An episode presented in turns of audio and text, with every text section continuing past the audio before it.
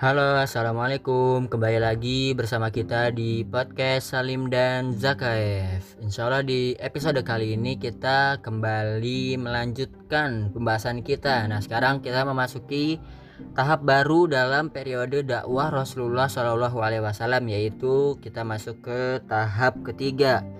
Di tahap ketiga ini menggambarkan bahwasannya kesuksesan dakwah Rasulullah Shallallahu Alaihi Wasallam yang setelah sekian lama mendapatkan berbagai macam rintangan dan cobaan, berbagai macam suka juga duka.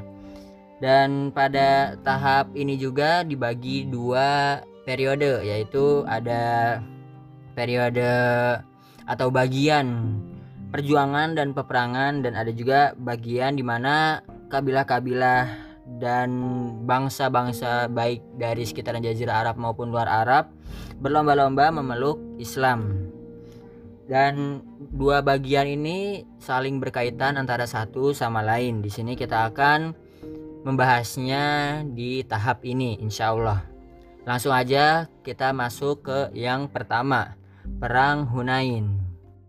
Setelah Mekah ditaklukkan oleh kaum muslimin, ketika itu berbagai kabilah atau suku-suku di sekitar Makkah maupun Jazirah banyak yang masuk Islam dan tunduk kepada Rasulullah Shallallahu Alaihi Wasallam. Tetapi ada beberapa kabilah yang masih menyatakan atau men, uh, menolak tunduk terhadap Rasulullah Shallallahu Alaihi Wasallam, yaitu ada suku Hawazin dan juga Bani Sakif dan diikuti beberapa kabilah kecil lainnya seperti ada dari Bani Nasr, Juzam, Sa'ad bin Bakar dan Bani Hilal. Ada juga dari orang-orang Qais dan Ailan. Di sini suku Hawazin dan Sakif ini cukup kuat dan mereka itu ada di daerah Taif. Ketika itu mereka semua berhimpun setelah mendengar kabar tunduk apa penaklukan Makkah dan tunduknya kabilah-kabilah di sekitar Arab orang-orang yang menolak ini berhimpun untuk membentuk satuan perang untuk memerangi kaum muslimin di bawah pimpinan Malik bin Auf An-Nasr. Setelah komandan tertinggi pasukan musuh Malik bin Auf memutuskan untuk melancarkan serangan terhadap orang-orang muslim, maka orang-orang yang berhimpun ini atau satuan pasukan Malik bin Auf ini memberangkatkan pasukan sambil membawa harta benda, wanita dan anak-anak mereka hingga tiba di sebuah tempat bernama Autas dan bermarkas di sana. Autas ini terletak di dekat Hunain. Di ini Autas ini sebuah lembah tetapi tidak masuk wilayah Hunain. Dan Hunain sendiri adalah suatu lembah berdekatan dengan Zulmajaz. Nah, sebuah daerah namanya Zulmajaz. Jarak tempat ini dengan Mekah ada 10 mil lebih ditempuh dari Arafah. Ketika pasukan musuh berada di Autas ini, terjadi sebuah peristiwa yaitu di mana seorang tua yang sudah buta tapi memiliki banyak pengalaman dalam perang yaitu bernama Duraid bin Asimah memberikan saran kepada Malik bin Auf selaku pemimpin pasukan ini. Duraid menyarankan kepada Malik bin Auf untuk tidak membawa pasukan atau tidak membawa seluruh penduduk Hawazin dikarenakan mereka tidak berguna dalam peperangan.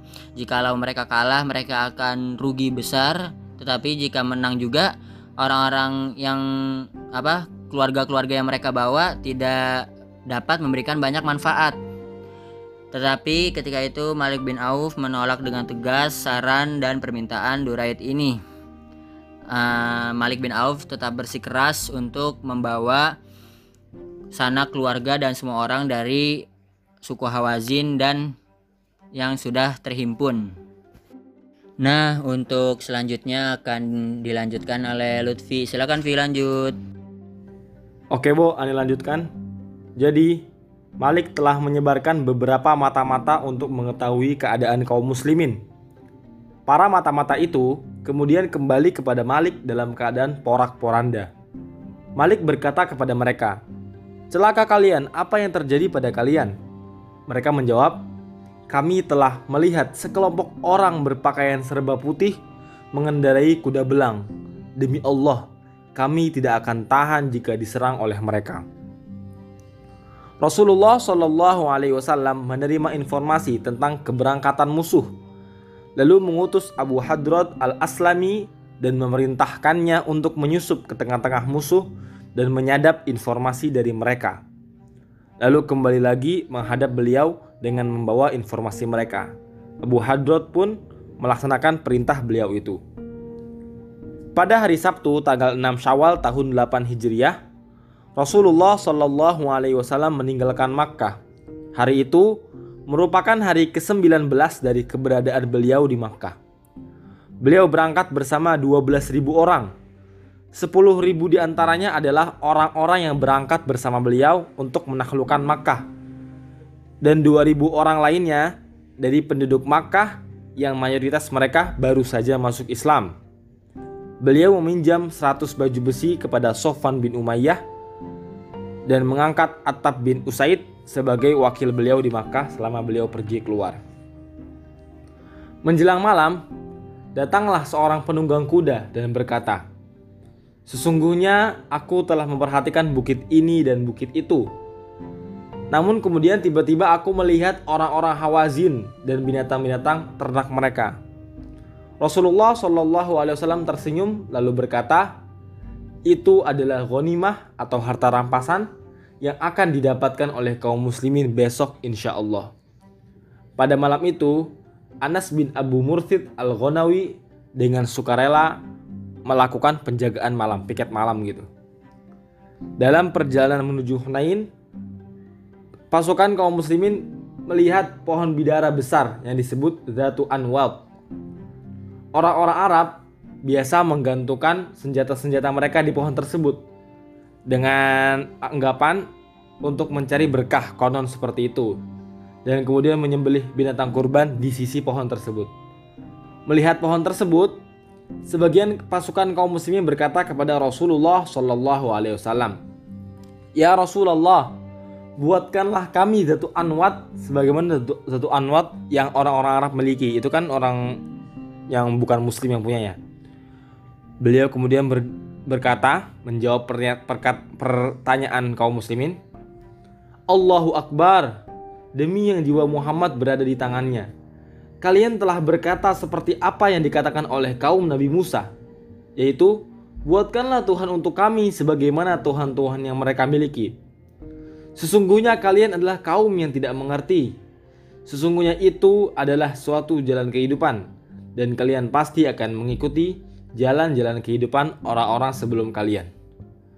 Melihat banyaknya pasukan, sebagian dari mereka terutama orang-orang yang baru masuk Islam berkata, "Hari ini kita tidak akan dikalahkan."